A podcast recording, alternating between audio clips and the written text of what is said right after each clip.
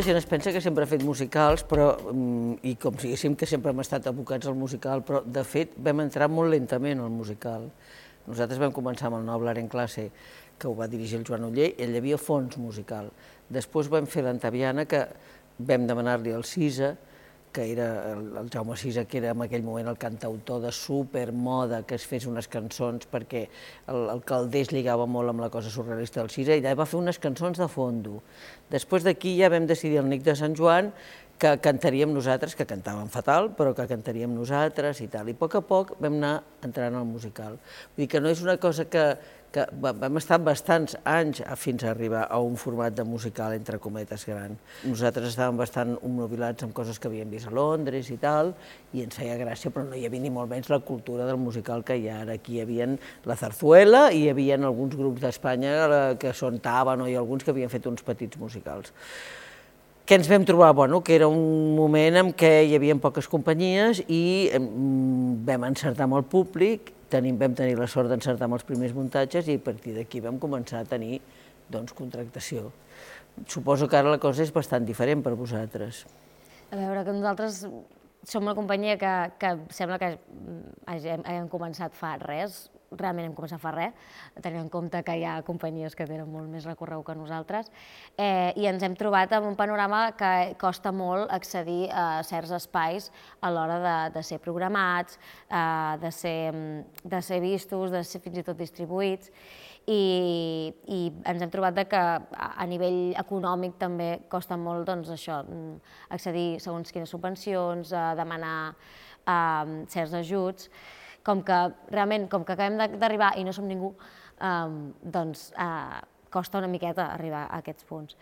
Um, sí que és veritat que, que ens, si ens hem preguntat alguna vegada, si ens ho van plantejar de, de, de tenir una companyia uh, i arribar on hem arribat és per, perquè hi havia companyies que ja havien posat un, uns ciments uh, per poder-nos-ho plantejar però, però és veritat que queda molta feina a fer i, i a cada mm, espectacle nou que fem aprenem coses noves perquè ens, anem, ens equivoquem i aprenem coses noves eh, i esperem que, que la cosa vagi millor, sobretot a nivell, a nivell de, social, que la gent tampoc hi va gaire al teatre, llavors... Bueno, jo crec que el, que el problema que hi ha és que hi ha hagut un creixement molt gran de producció i no amb la mateixa proporció de públic.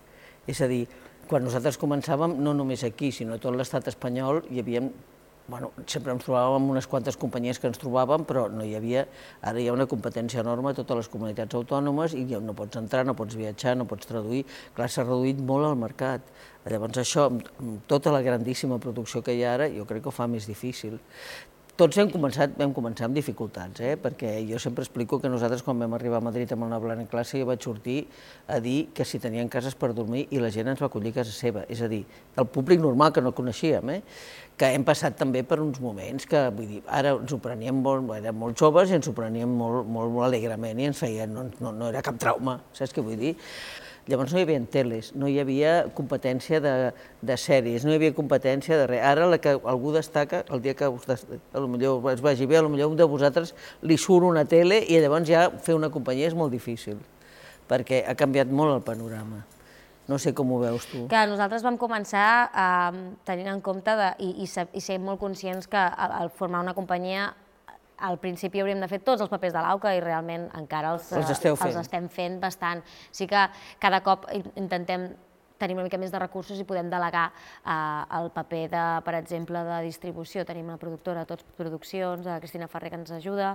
Eh, L'escenografia, a vegades, també ens toca muntar-la nosaltres, ens rentem la roba, ens cosim no sé què, eh, anem a parlar amb no sé qui, ens fem nosaltres els dossiers, ens fem Uh, no tenim ningú que ens redacti subvencions, dossiers, vull dir que, que ens, fins i tot ens traduïm, ens adaptem les coses, Clar. però, però sí que bé, tenim, fem tots els papers de l'AUCA, som conscients de que tenir una companyia pròpia et tocarà posar-hi moltes més hores que si vas contractat d'actor a, a, a una companyia X, no? però sí, sí. Sí, però jo crec que és una mica una sortida que és molt important, o sigui, perquè pensar que la, tota la gent que està sortint ara de les formacions d'escoles i de l'institut, i de, la, abans no hi havia ni moltíssim menys tantes escoles i tanta gent que realment feia teatre. Ah, llavors, clar, això, si tu esperes que et truquin a casa teva, està, la cosa està molt dura. Has de començar, com, com tots els negocis, eh? igual que la gent que té un bar o que té un restaurant o que se'ls vol dedicar a la restauració, començar pel seu petit xiringuito a vegades és la manera d'entrar. Ara, que és difícil, sí, que desgraciadament el públic no ha crescut el suficient i després jo crec que també el musical en català també té un recorregut més petit. Nosaltres, de fet, traduïem sempre, hem traduït sempre, fora de l'àrea dels països catalans, és a dir, a Mallorca sempre hem anat en català, a València vam tenir molts conflictes perquè no ho volíem fer en català i a vegades ho hem fet amb les, dos, amb les dues llengües, però sempre hem traduït. Eh, el que passa és que sí que és cert que traduir és una feina que realment, si no tens una, unes quantes funcions i per, per un bolo és una complicació. De totes maneres, jo crec que hi ha un error dintre del que són les subvencions, que és aquesta cosa de la superproducció, d'omplir els, el, el, el, els espais amb gent que produeix, produeix, produeix, però llavors no té sortida.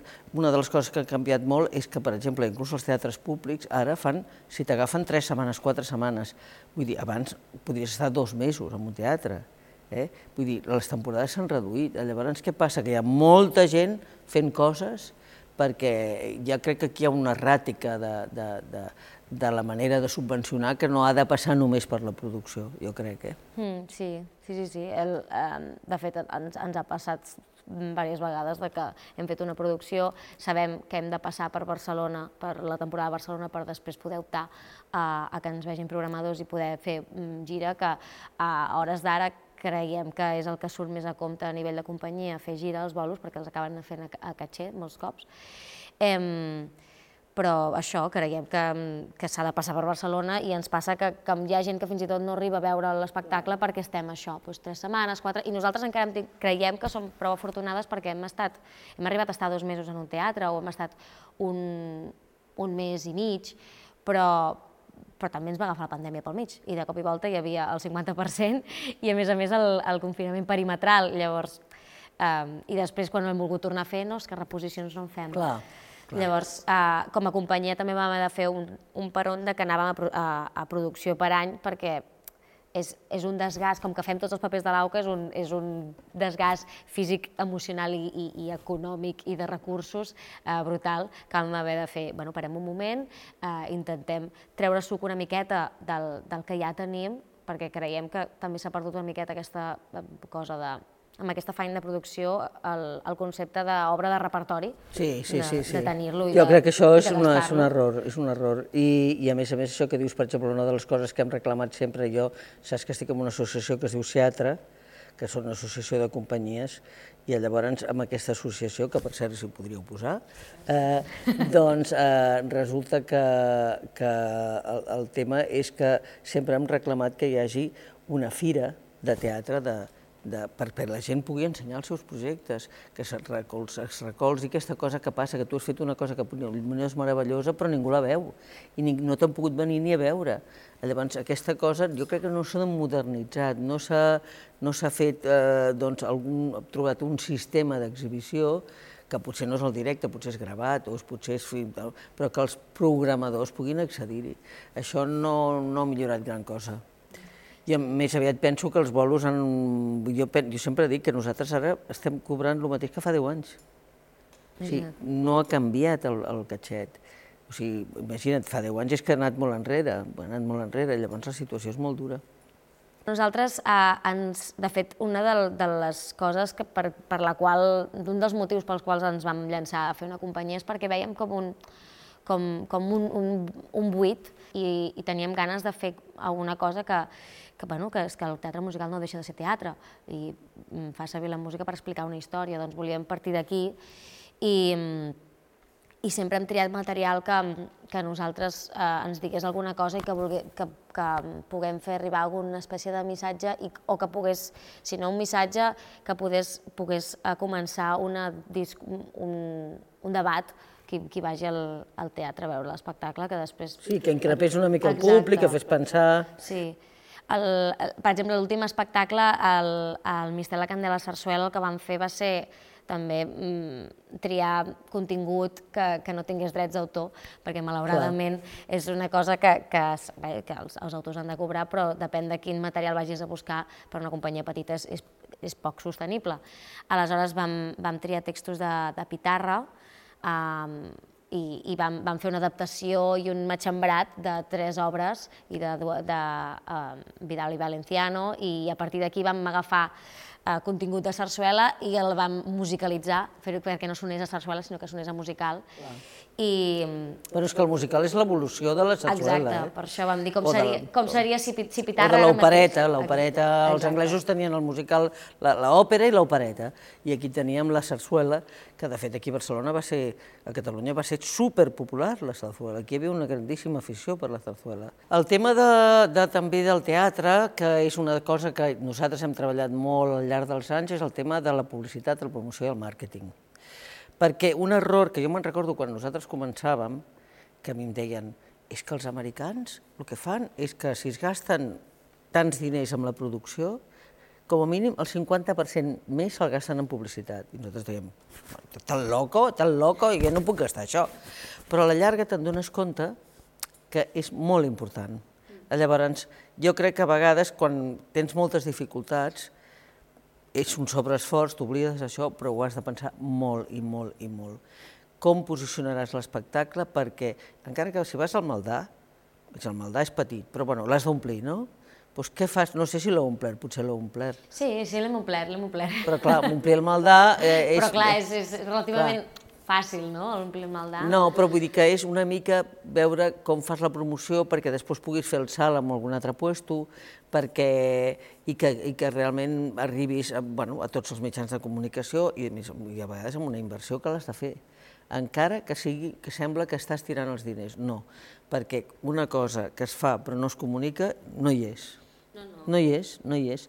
Llavors aquí és una, una vegada és una certa deficiència en quant al que és la producció en aquest país, que fins que no arribes a pensar que t'has de gastar no et dol gastar-te els diners en publicitat, sinó que són imprescindibles, eh, és difícil que canvi tot. És, és difícil. Nosaltres com a companyia algun cop ens hem, ens hem plantejat això, algun pla de, de, de publicitat, d'estar de, aquí o allà, llavors ens arribaven els pressupostos i era com, bueno, és que no ho podem assolir.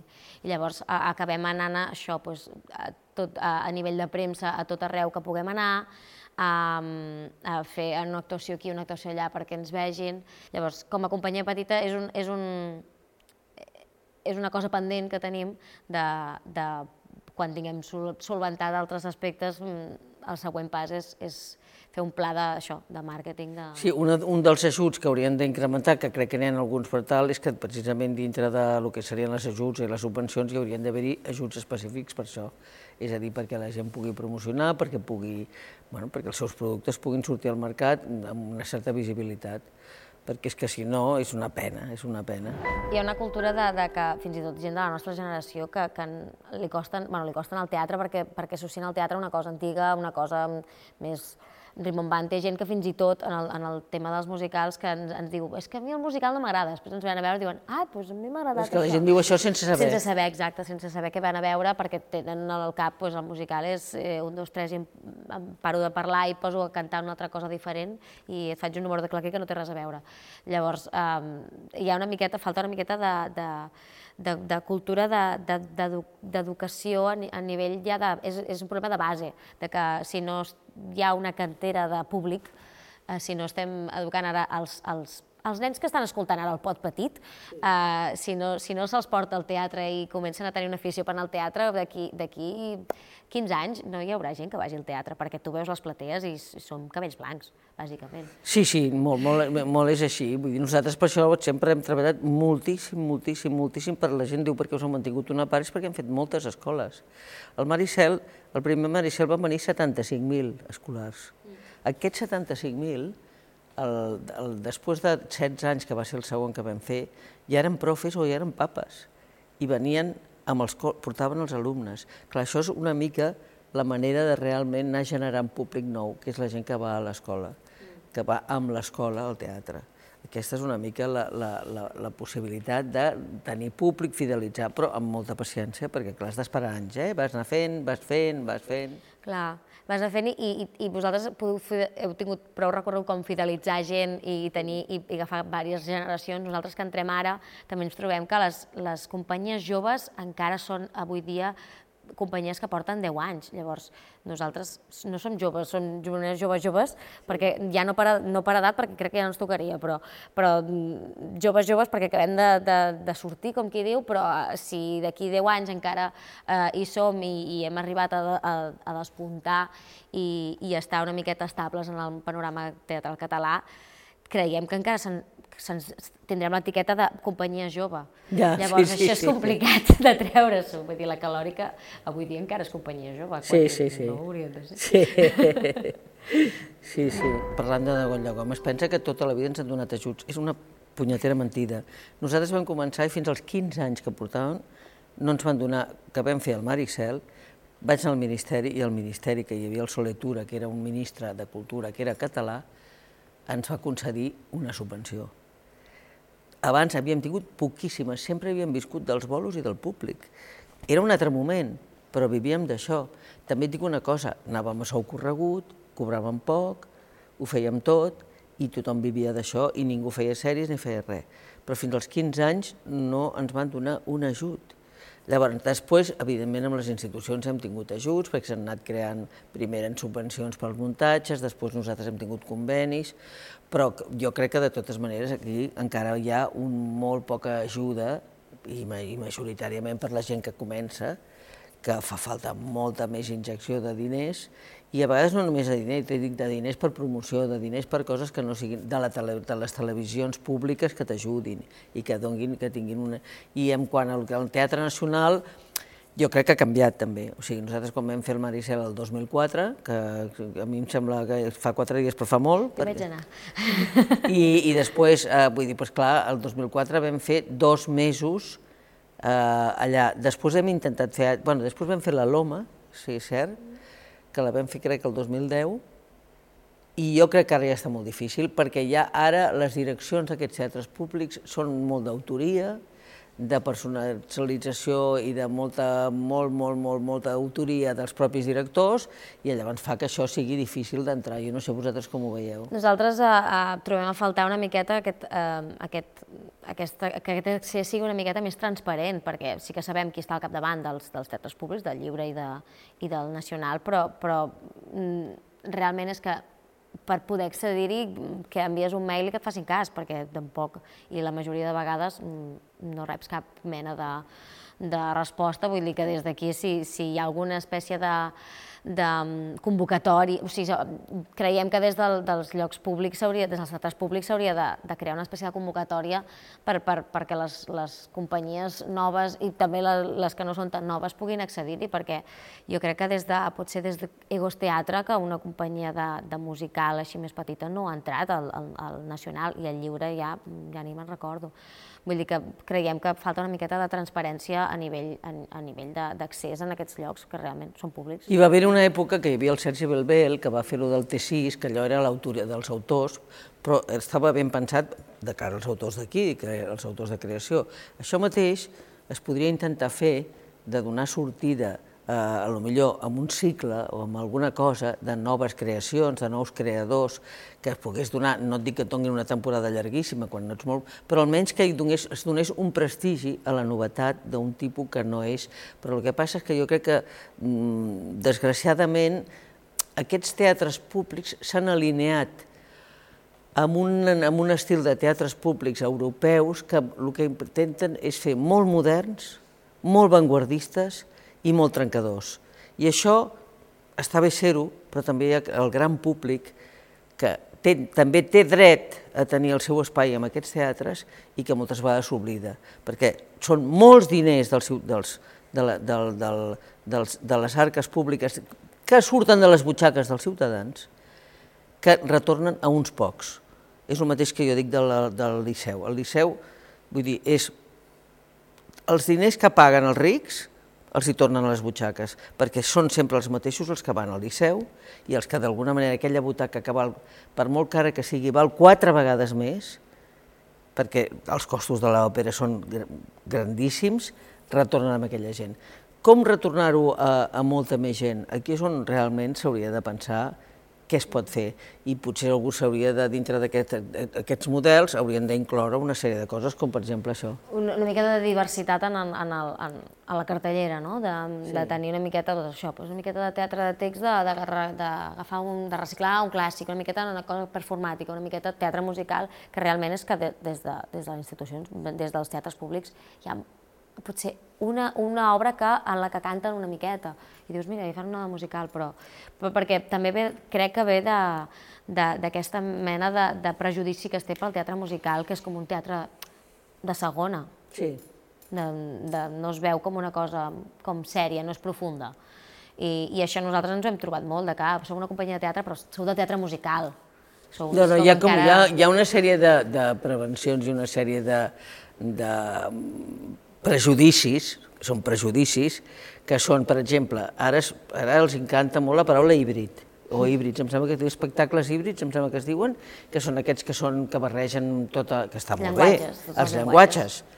Vale, molt bé, recolza aquest, aquest format nou, però no oblidis que hi ha un teatre musical, on, perquè a més això voldria dir que si funcionés hi hauria més vida pels compositors, perquè jo dic que els compositors, hi ha molta gent que aquí estudia música i que no pot fer res, vull dir, perquè no pot composar. Falta, falta com, com que hi ha, hi ha com una escola, de, una nova fornada de dramaturgs i compositors que, que tenen obres noves de, musicals que no hi ha no hi ha espai, no hi ha lloc per, per, per no, i, i sobretot tampoc no hi ha aprenentatge, perquè tu, no, quan, tu el que necessites és bueno, equivocar-te, rodar i fer coses perquè finalment dius... Jo sempre deia que els americans també, parlant dels musicals, deien de cada quatre, tres són un fracàs i un és un èxit.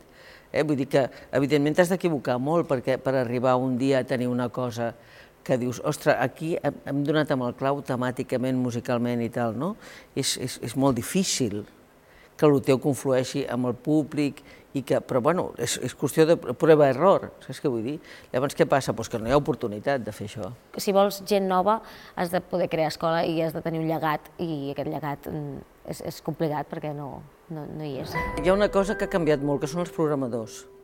Els programadors, que quan començàvem nosaltres eren programadors que no eren professionals, eren gent que venien molt del teatre amateur, que eren els grans aficionats d'un poble que, que, que agafaven amb moltíssima il·lusió programar el seu poble, eh, o, o, o gent que ara són programadors, entre cometes, professionals, gestors culturals que s'han format molt bé, però són molt més funcionarials. Mm. Llavors, el que abans feien aquests que venien a veure i que s'esforçaven en veure i tal, jo crec que ha canviat molt el tema. Llavors, el tema de, la, de, les, de les programacions, passa perquè els propis programadors han canviat. I quins són els que han agafat la majoria de pobles? A vegades estan absolutament divorciats del seu propi poble, perquè el que els agrada amb ells no és el que els agrada al poble. Vull dir, però a vegades programen els espectacles que a ells els agraden, que jo dic un programador, això és un programador per mi fake, perquè el programador ha de saber, bueno, tu pots posar, evidentment has d'intentar que al teu poble arribin coses modernes, arribin coses alternatives, arribin coses innovadores, però barrejant-ho amb altres coses que la gent del poble realment vagi pujant graons de, podríem dir, de preparació i de llenguatge que pugui anar païnt, no? Ha canviat molt i ara jo crec que això a vegades, doncs, molts d'aquests, bueno, doncs, podria fer tot el que fa, doncs, el que fa el llibre, però el més modern, modern, modern, i llavors, bueno, hi ha un cert, a vegades jo crec que hi ha un cert divorci amb la gent. Mm. I a més a més que, que fins i tot ens, ens ha passat d'arribar en un lloc que, fa, de, que tenim un bolo i que, i que no hi ha hagut, hi ha hagut zero promoció ah, d'aquell sí, bolo. Sí i dius, no hi ha gent en aquest poble, i llavors ens trobem dinant allà mateix a la gent del restaurant, dir-los, aquesta tarda fem, feu alguna cosa, perquè fem una cosa al teatre aquí del poble, ah, no ho sabíem!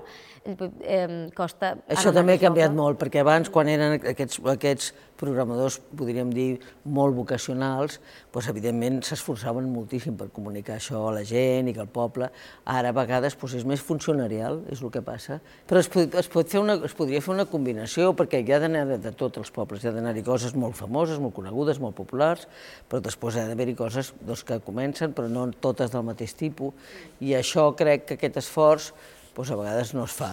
No es fa i, i, i bueno, doncs això és el que dificulta que, que molta gent no pugui arribar a fer aquests bolos. Jo dic que nosaltres mmm, volíem fer teatre i ens vam fer una empresa, no vam fer una empresa per fer teatre. que és una cosa molt diferent. És a dir, quan nosaltres començàvem, i suposo que vosaltres també. Per tant, nosaltres, la nostra vocació, que vam fer teatre a llocs molt insòlids que no eren en cap cas teatres, era recuperar el públic, que la gent creia que el teatre era una cosa que hi havia d'anar, i hem lluitat molt, i, evidentment, recuperar la llengua per nosaltres ha sigut un cavall de batalla de dir, senyors, aquí hi ha una llengua que és la nostra, que és aquesta, i hem de treballar perquè la gent vingui, perquè la gent... I llavors la gran aposta de, de tots els espectacles que va arribar amb el Maricel culminant va ser de dir, bueno, es pot fer un gran musical amb la nostra llengua. Com quan la gent deia, no es poden doblar els westerns en català, perquè els que són castellans, els, els, els, els vaqueros són castellans. Doncs això és mentida, i això passava, eh? Quan, doncs això es va demostrar amb el Maricel. Tot i així, això es pot fer amb, una, amb unes grans, podríem dir, és un mirall especial al Maricel perquè va ser un, una gran sort amb el moment que va néixer, amb el recolzament que va néixer. Començava TV3 en aquell moment. TV3 ens va recolzar moltíssim. Es van donar moltes circumstàncies perquè això es, es convertís en un gran fenomen de musical. És molt difícil, però jo crec que s'ha de lluitar perquè, evidentment, també, quan s'ha demostrat una vegada que pot ser, pot tornar a ser. Però amb tots els ajuts que vam tenir en aquell moment, que no eren només econòmics, sinó que eren Mm, d'alguna manera, ja et dic, TV3, nosaltres ens vam inventar, els primers que vam vendre per una caixa vam ser nosaltres.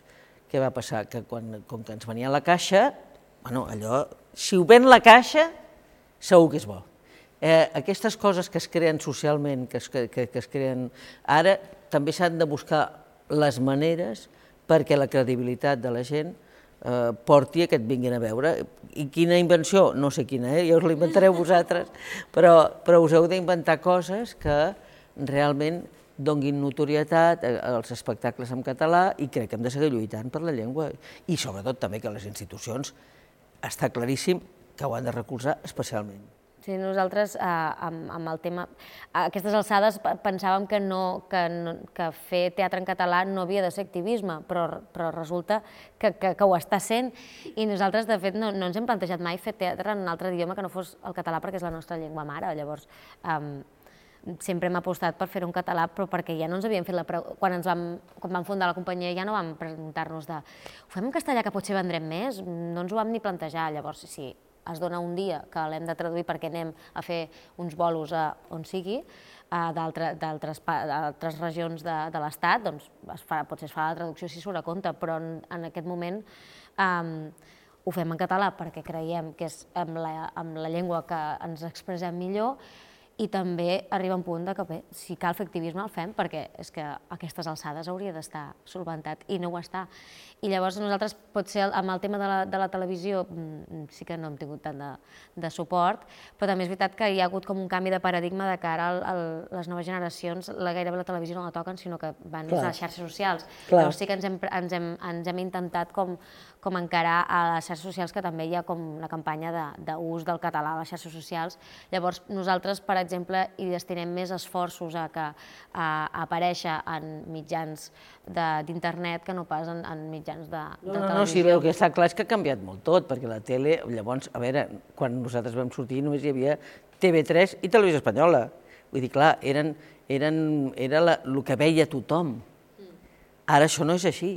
I clar, aquest paradigma s'ha d'obrir altres portes per poder arribar, per això et deia, s'ha d'inventar el màrqueting de guerrilles, ara què s'ha de fer perquè la gent eh, que no veu la tele, perquè els joves no la veuen, eh, com hi podem arribar? Sí, sí, és, és un trencaclosques, és molt difícil. Clar, abans que parlàvem del, del pla de màrqueting, nosaltres no hem, potser no hem invertit esforços en, doncs, no sé, aparèixer premsa, no sé què, però sí que hem, hem, hem pagat eh, per, per promocionar-nos a, a que surtin anuncis nostres a internet, per exemple, a xarxes, a, a xarxes socials. La ràdio ara mateix jo crec que és un... La ràdio, sí. La ràdio és, mm. més, és més el mitjà que s'ha mantingut més i que, i que hi ha gent, bueno, no, no, no sé si els superjoves, però gent d'una certa edat que també, que, que el teatre, bueno, eh, l'escolta més.